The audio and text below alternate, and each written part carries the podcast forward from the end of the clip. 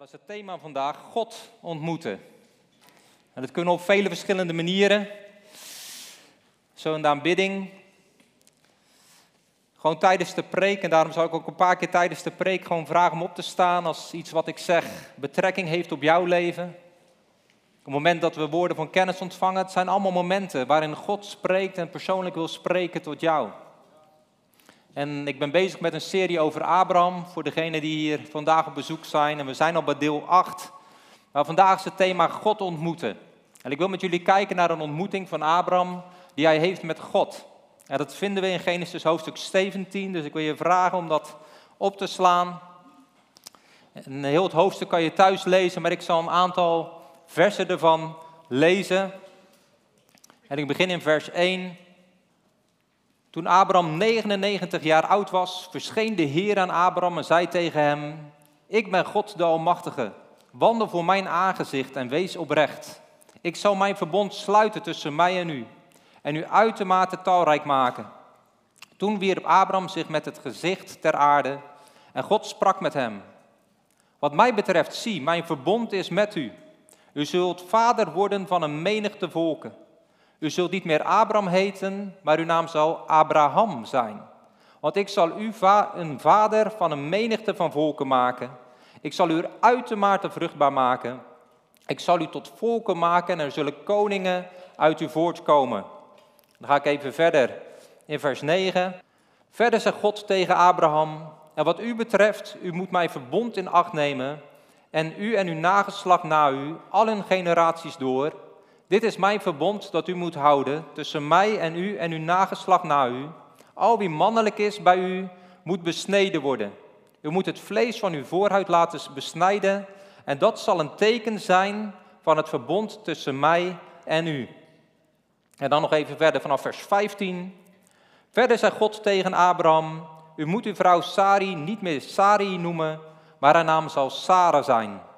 Want ik zal haar zegenen en u ook uit haar een zoon geven. Ja, ik zal haar zo zegenen dat zij tot volken zal worden. Er zullen koningen van volken uit haar voortkomen.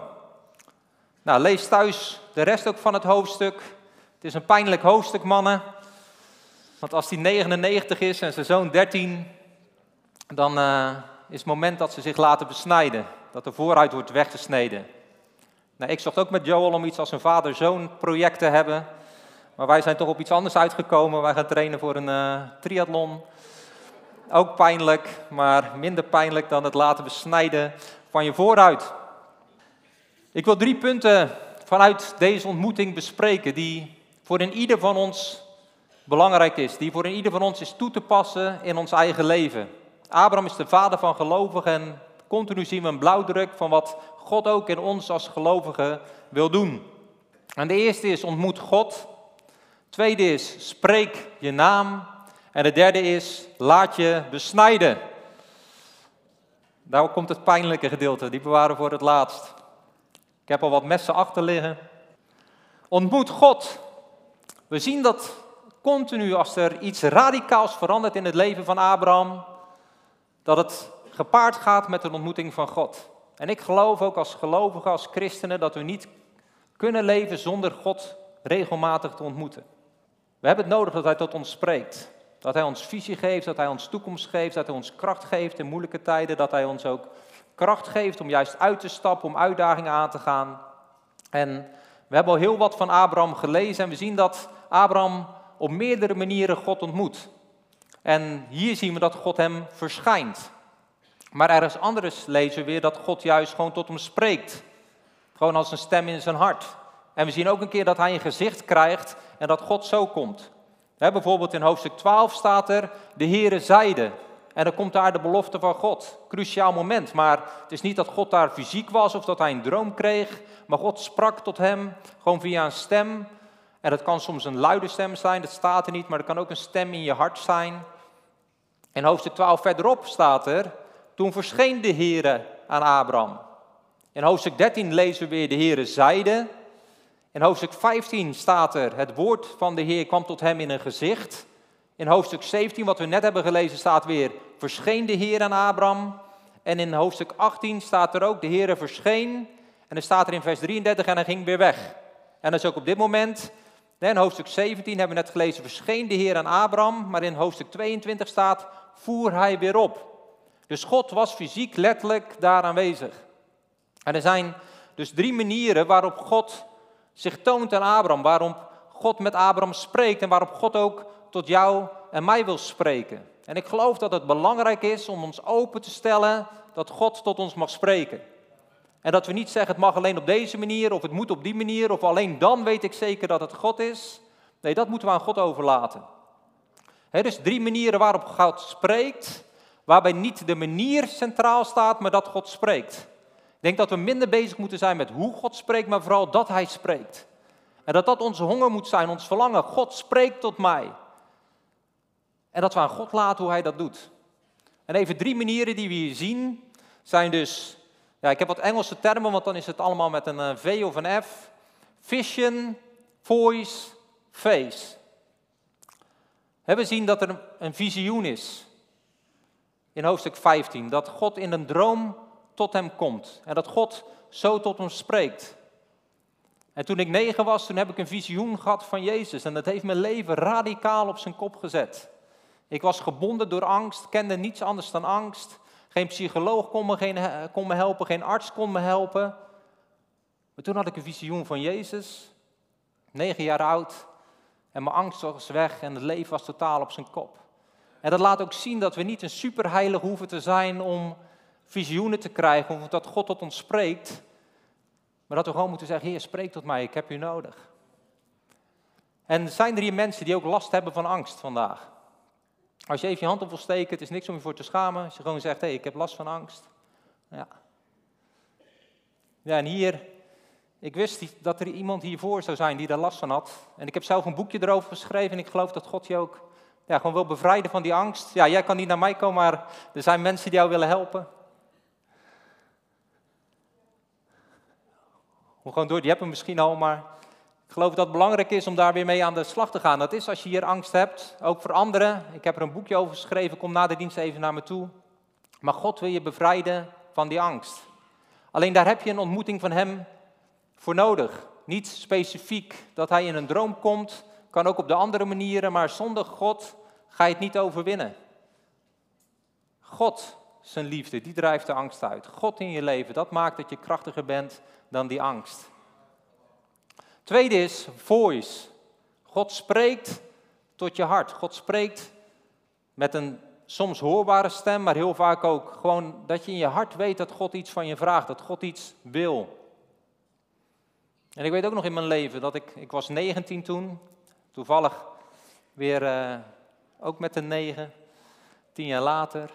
Maar ik moest een cruciaal besluit nemen in mijn leven en God sprak echt dat je gewoon weet van, oh, dit is wat God zegt. En dat heeft gemaakt dat ik mijn leven keuzes heb gemaakt op dat moment die, waar ik nu nog dankbaar voor ben. Dat ik zat in een situatie en als ik andere keuzes had gemaakt, had ik hier vandaag niet gestaan, had mijn leven er totaal anders uitgezien. Maar God spreekt tot je hart. Het is belangrijk om dat serieus te nemen. Om daar niet gewoon aan voorbij te gaan, maar als God echt iets spreekt, dat je je leven daarop aanpast, dat je daar gehoorzaam aan bent. Want God wil je ontmoeten om een verandering te brengen in je situatie. God wil je ontmoeten om je verder te brengen dan waar je nu bent. En dat wil Hij bij een ieder.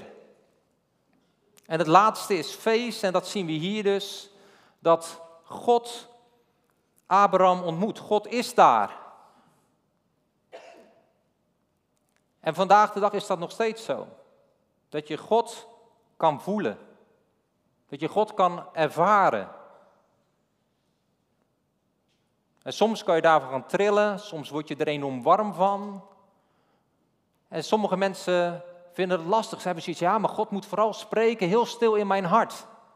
Nou, Abraham, de vader van de gelovigen, de meeste ontmoetingen hebben te maken met dat God fysiek bij hem komt. Dus dat hij God kan ervaren. En ik had het een paar weken geleden toen we in Brazilië waren. Ik lag op bed en al s'nachts voelde ik de aanwezigheid van God komen. En we hadden een uh, gebedsmoment, het was het laatste gebedsmoment van de reis. De volgende dag zou ik naar huis gaan. En er werd nog niet voor me gebeden of ik werd geraakt door de aanwezigheid van God. En ik was in de aanwezigheid van God en ik kon een half uur tot een uur lang gewoon niet opstaan. Omdat God zijn bezigheid zo krachtig was. Maar er waren allemaal andere mensen en op een gegeven moment dacht ik van, nou, ik wil toch een beetje opstaan. Dus ik probeerde op te staan, maar nou, ik kon nog net de muur halen en ik moest weer gaan liggen. En een half uur later lukte het omdat de aanwezigheid van God zo zwaar op mijn leven was. En dat zijn ook ontmoetingen die belangrijk zijn. Ik kan niet zeggen, God, dat wil ik niet. Als ik echt Hem wil. En vaak op dat soort momenten kan God je ziel heel diep aanraken. Het is belangrijk dat we zeggen, God, ik wil ontmoeten. En dat we niet vooraf zeggen hoe God het moet doen. Want soms heb ik het idee dat er een beetje twee uitersten zijn. En ik hou er altijd van om dat een beetje tegenover over elkaar te zetten.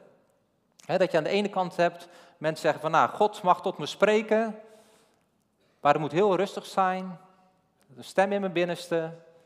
Moet vooral niet ook fysiek worden. Ik wil er niks van voelen, niks van ervaren, want dat vind ik maar een beetje eng. En dan ga ik opeens twijfelen of dat het God is. Terwijl Abraham, de vader van de gelovigen, God ervaart. En dan is het zo belangrijk als je dat vandaag bent en je herkent je daarin om je open te stellen en zeg: God spreekt tot mij, het maakt me niet uit hoe. Ik wil gewoon van u horen. Aan de andere kant heb je ook mensen, en die zijn er heel erg op uit dat ze voelen dat God spreekt. En eigenlijk minacht je dat God ook tot je hart spreekt en dat het even krachtig is als dat, hij, als dat je het fysiek ervaart. Nogmaals, het gaat erom dat God spreekt, niet de manier waarop hij spreekt. Maar het gaat er voor jou om dat je God uitnodigt en dat je aan Hem overlaat hoe Hij tot je spreekt. Want dat God wil spreken staat vast. God wil jou ontmoeten.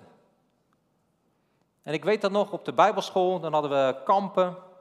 En dan uh, hadden we de Heilige Geestavond, noemden we dat. En dan gingen we ook bidden voor iedereen. En heel veel mensen vielen dan in de aanwezigheid van God. Alleen er waren er ook een aantal, altijd een aantal, die niet vielen.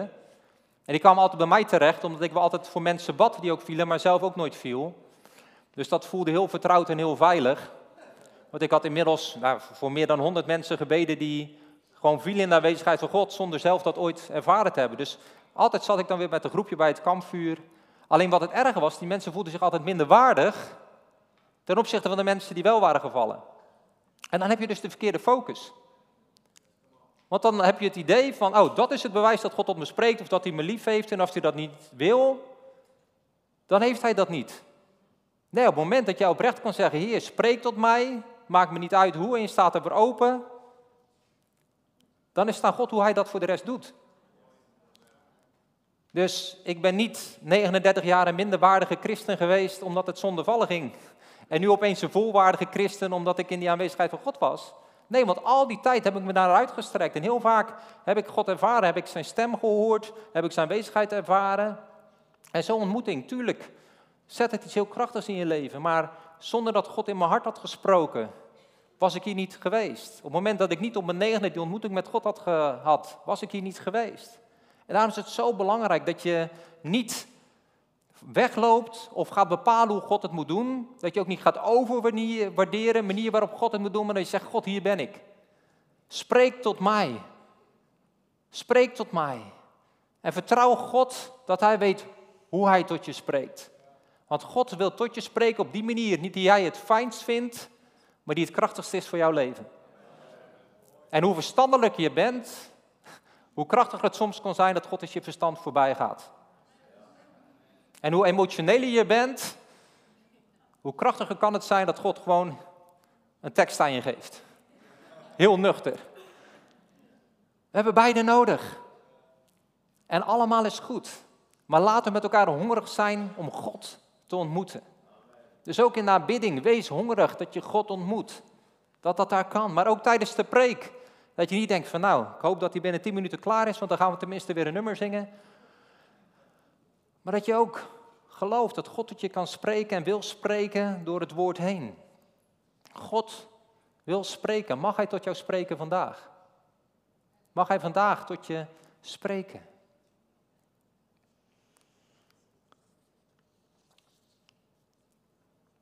En ik geloof dat er een aantal mensen zijn.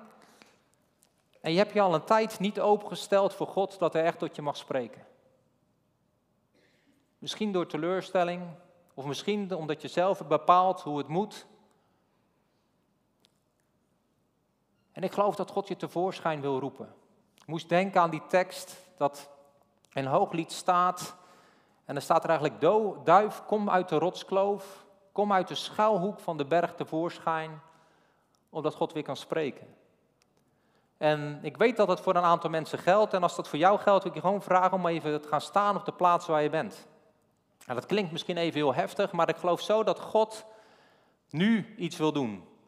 En niet dat we gaan wachten en dat we na de preek dan een keer een gebedsmoment hebben. Nee, op dit moment wil God al tot je spreken. En dank jullie wel voor degenen die zijn gestaan. Ik wil nog één gelegenheid geven. Ik geloof dat er nog een aantal mensen meer zijn. Ga gewoon staan op de plaats waar je bent. Ik ga een gebed bidden. En daardoorheen gaat God bewegen. Moeilijker hoeven we het niet te maken. God is een sprekende God. En God wil jou ontmoeten. En dat is belangrijk als je vandaag staat, dat je dat al beseft. God wil tot jou spreken. God wil jou ontmoeten. God zegt, kom tevoorschijn, want ik wil tot jou spreken. Kijk niet naar links of naar rechts. Ik wil tot jou spreken. Jij bent mijn geliefde kind. Jij bent degene voor wie ik mijn leven heb gegeven. Heer, en ik dank u voor een ieder die is gaan staan. Heer, ik dank u voor hun moed. Heer, en ik dank u dat elke muur, Heer, die verhindert, Heer, dat ze, ja, dat ze kunnen ontvangen, Heer, die breek ik op dit moment af. En ik dank u dat ze nu allemaal zo om het hoekje van die schuilplaats zijn gestaan. En ik zie jullie nu allemaal gewoon staan in het volle licht van God. En ik bid op dit moment, Heer, dat u hen verwarmt met uw licht. Heer, dat hun oren klanken gaan horen. Heer, dat ze in een stille tijd, Heer, gewoon van u zullen verstaan.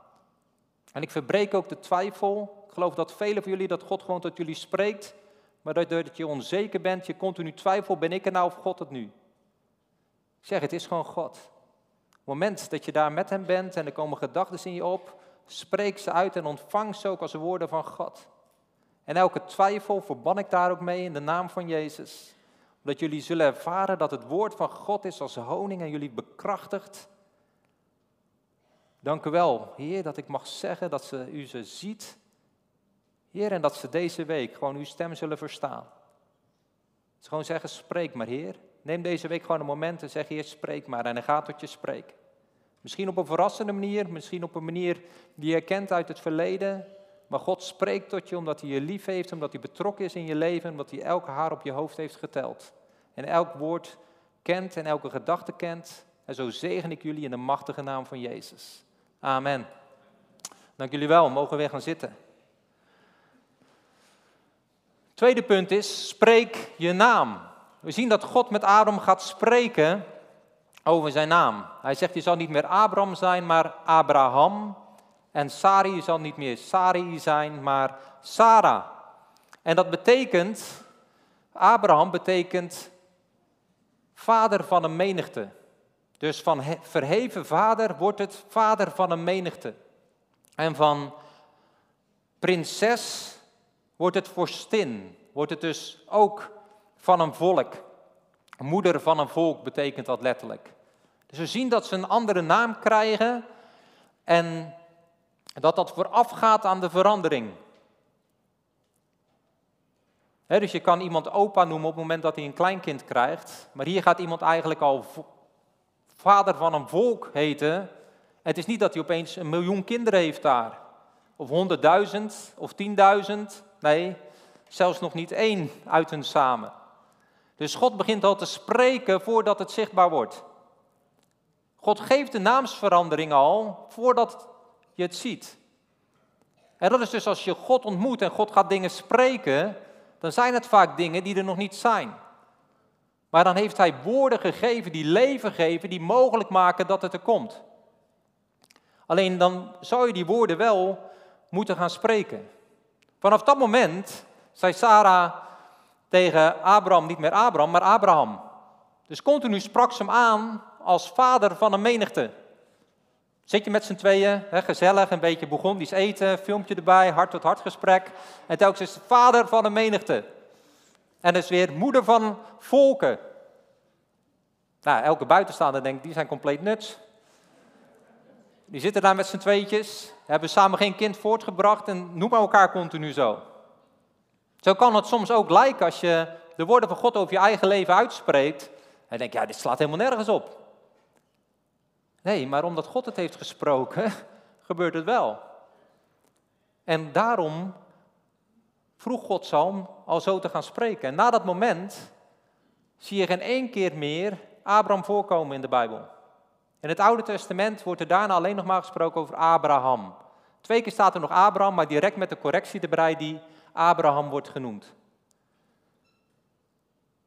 Ze zien dat God het heel serieus neemt, de verandering. En zo serieus zullen wij ook de woorden van God moeten nemen. Dus wat God heeft gesproken over je identiteit, daar ben je een stukje renmeester van. Hoe serieus neem je wat God heeft gesproken? Ik heb een relatie met God dat Hij wel open tegen me kan zijn. En God had me iets krachtigs gesproken, maar ik was weer onzeker. Ik zei, nou Heer, wilt u... Maarten, ik heb het gezegd, nou, na drie keer en nou ja, daar had ik echt het idee dat God er een beetje klaar mee was. Eh, maar hoe vaak moet ik nou zeggen? Het is toch duidelijk? Ga er nou in staan? Het is goed zo. En dat is soms ook belangrijk. God moet soms ook even streng zijn, in ieder geval naar mij toe, omdat ik anders kan blijven hangen in een gevoel, terwijl God heel duidelijk heeft gesproken. En dan is het aan mij om juist te zeggen, Heer, ik dank u dat u dat heeft gesproken. Ik wil daar serieus mee omgaan. Ik wil niet in die twijfel blijven hangen. En juist in die situaties waar het nog niet zichtbaar is, is het belangrijk om die toekomst te spreken. En dat is niet schijnheilig, dat is niet hypocriet, maar juist om een juiste blik te krijgen naar jezelf en naar je toekomst. Juist geloven leidt tot juist gedragen. Dus het begint met juist geloven. Ik heb geen geest van lafhartigheid, maar van liefde, van kracht en van bezonnenheid. Als angst onderdeel van je leven is, dan kan ik de hele tijd voelen. Nou, dan zou ik zeggen, hier staat nog steeds een enorm angstige jongen.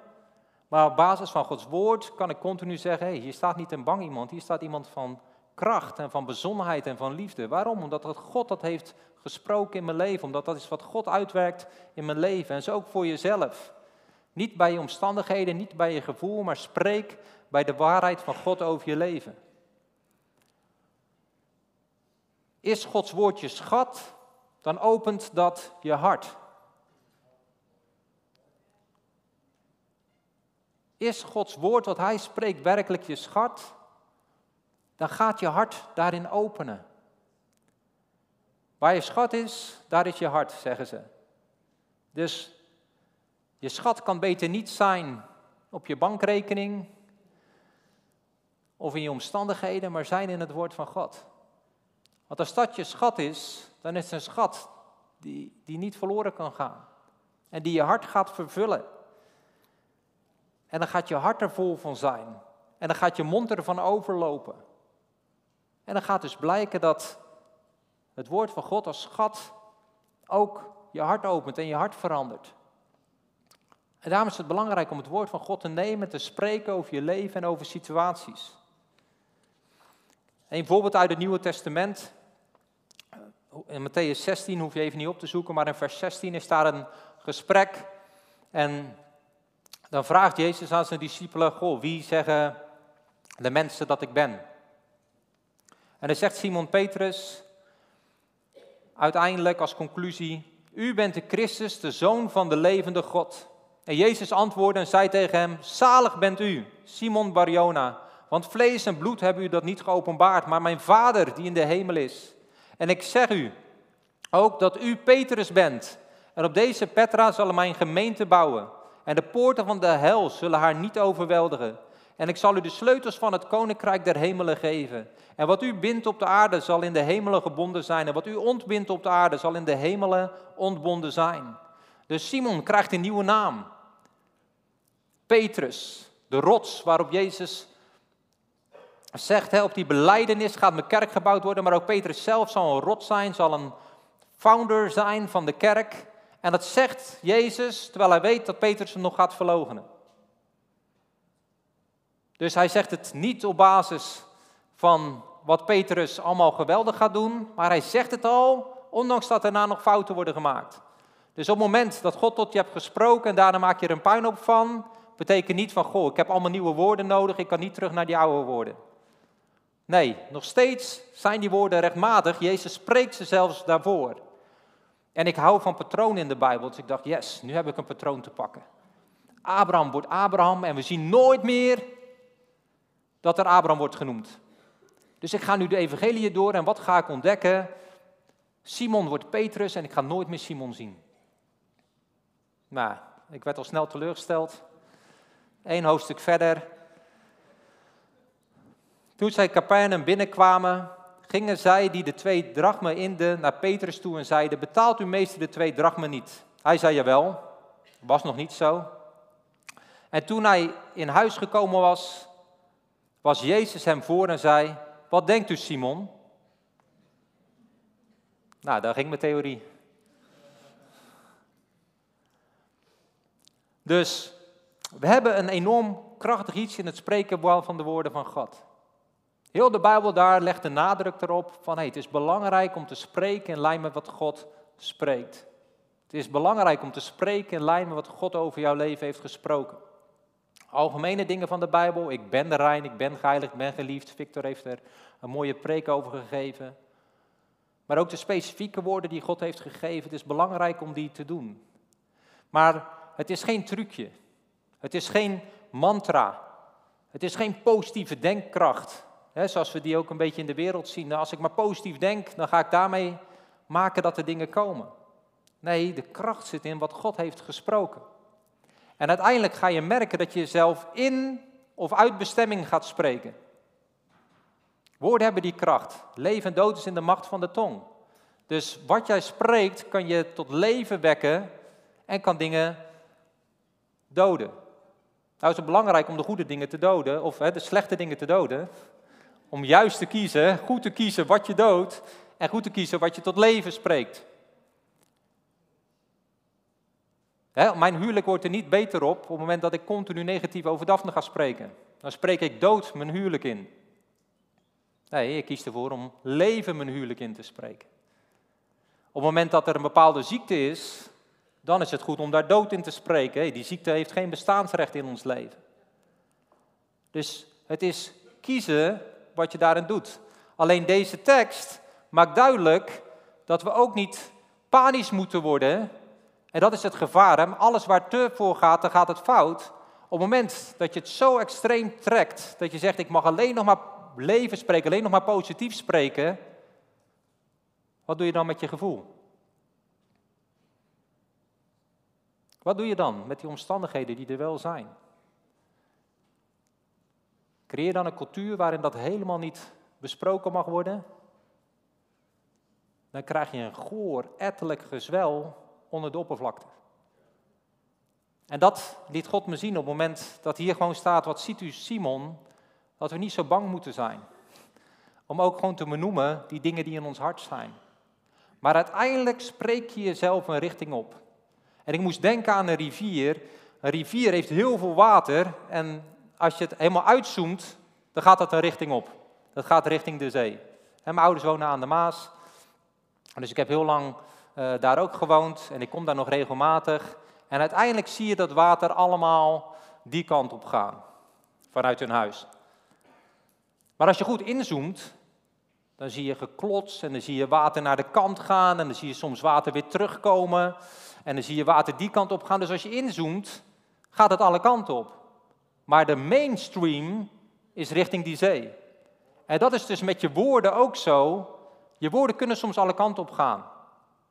Daphne had het een paar weken geleden erg moeilijk. En er kwam veel emotie uit, veel huilen. Dan zeg ik niet van Daphne, hou je mond, spreek leven, je gaat gezond worden. Dat is mega ongezond.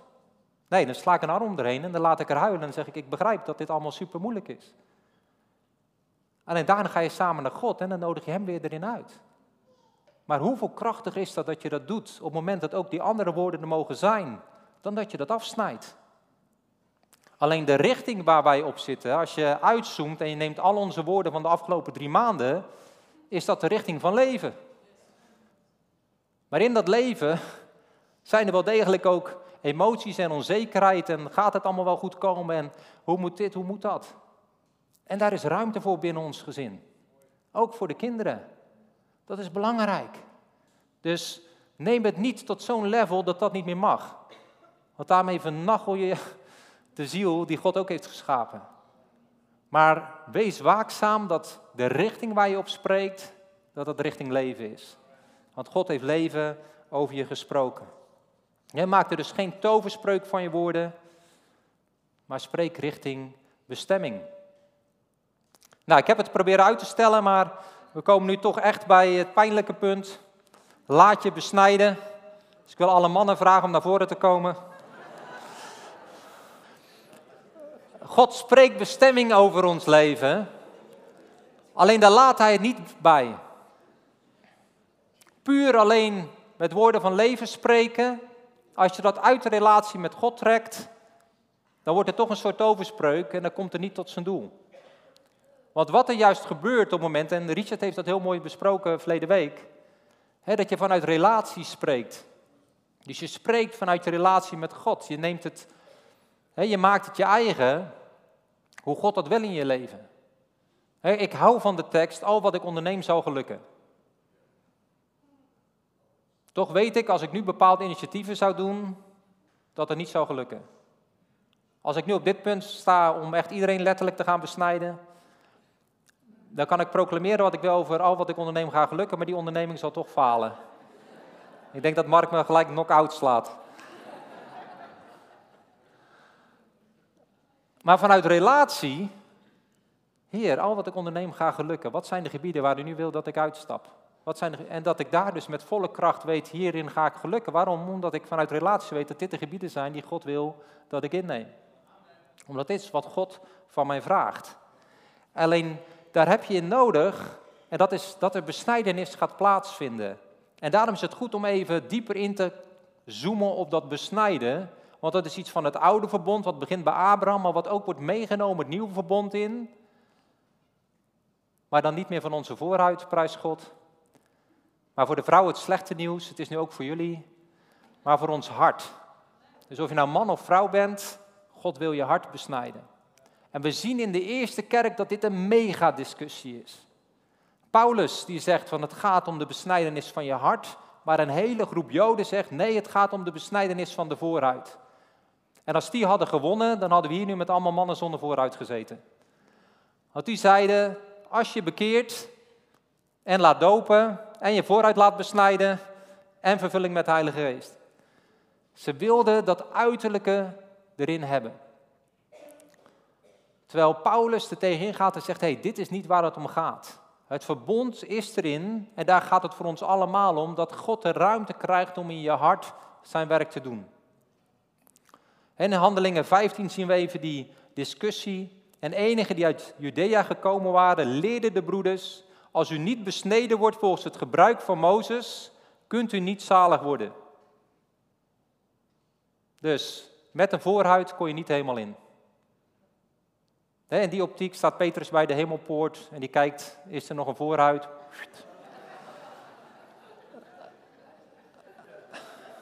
Geen toegang. Maar dat zat zo diep in die cultuur, want het was van Abraham al, dat was bij de wet nog gebracht. En Paulus, die gaat er heel fel tegen in. Die, gaat in Galaten zover dat hij zegt van nou, Petrus kijkt niet alleen of je vooruit er nog aan zit, maar hij kijkt überhaupt of je er nog wat hebt hangen, want als er nog iets hangt, dan kom je er niet in. Hij zegt, dan moet je ook zo ver gaan. dus hij wordt er heel fel op. Waarom?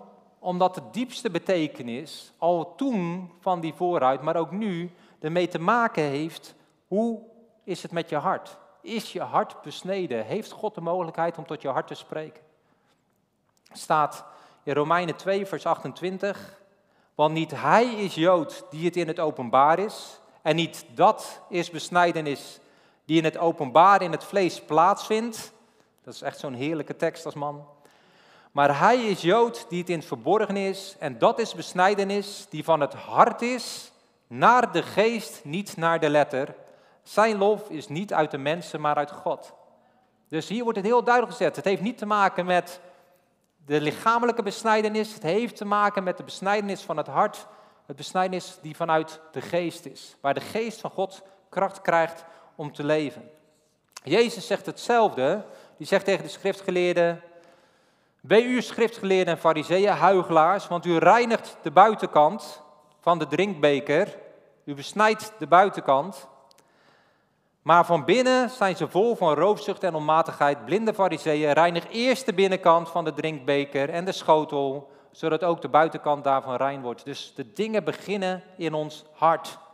In het Oude Testament zegt God het al tegen Samuel: Kijk niet naar zijn uiterlijk en ook niet naar de hoogte van zijn gestalte, want ik heb hem verworpen. Het is namelijk niet wat de mens ziet, maar wat.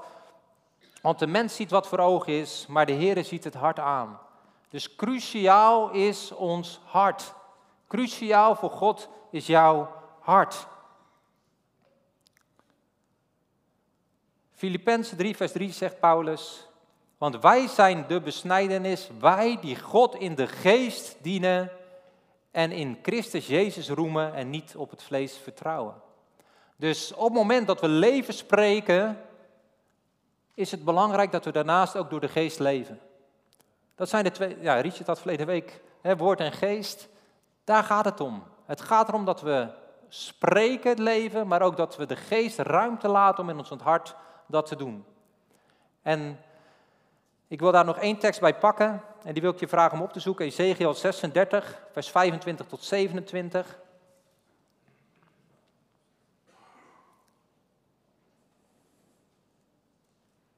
Daar is al een profetie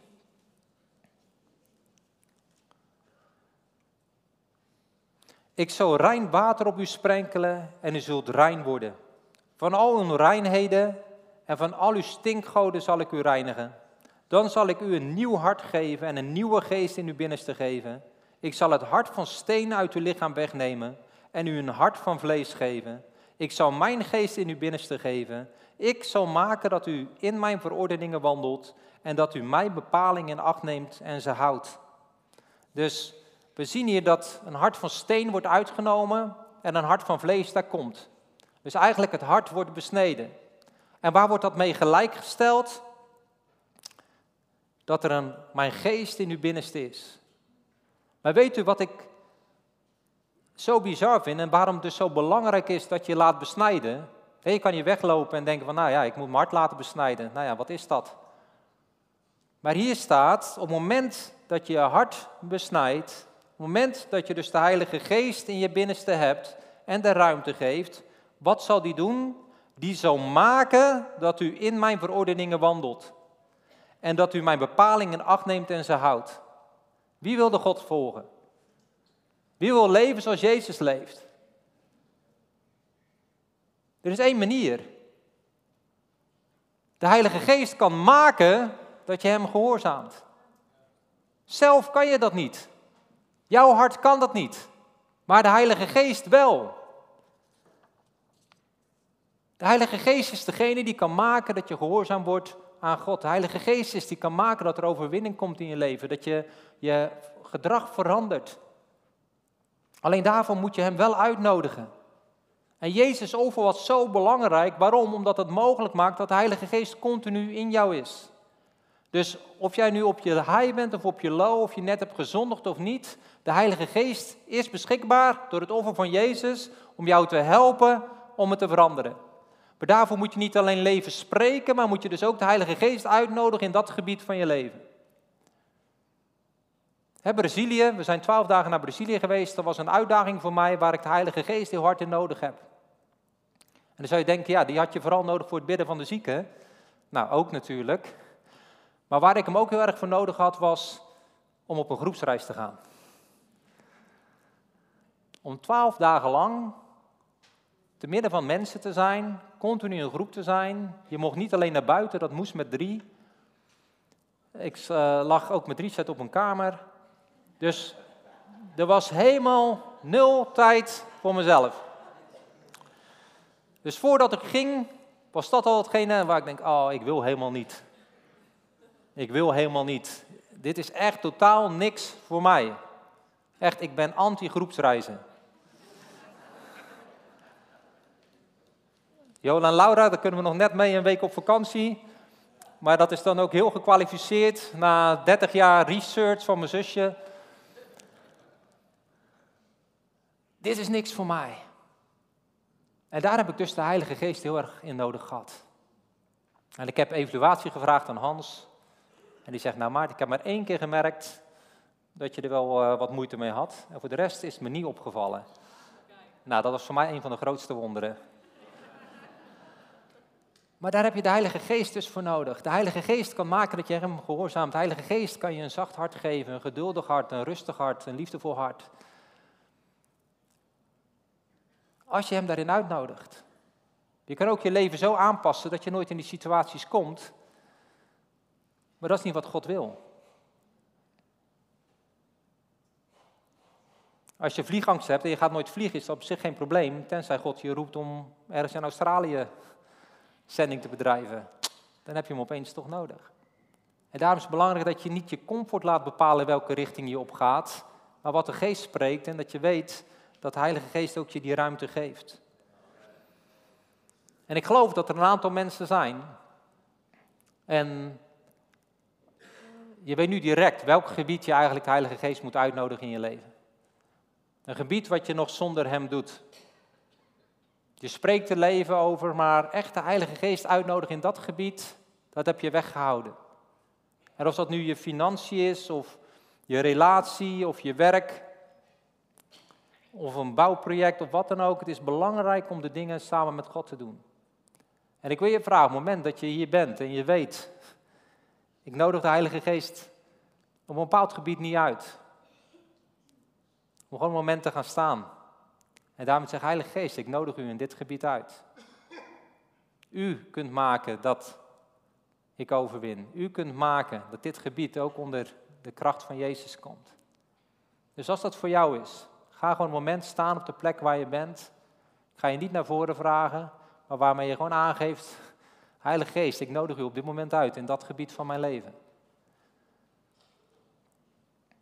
En ik geloof ook dat er iemand is die op het punt staat om een enorm grote uitgave te gaan doen, maar je hebt het niet overlegd met de Heilige Geest.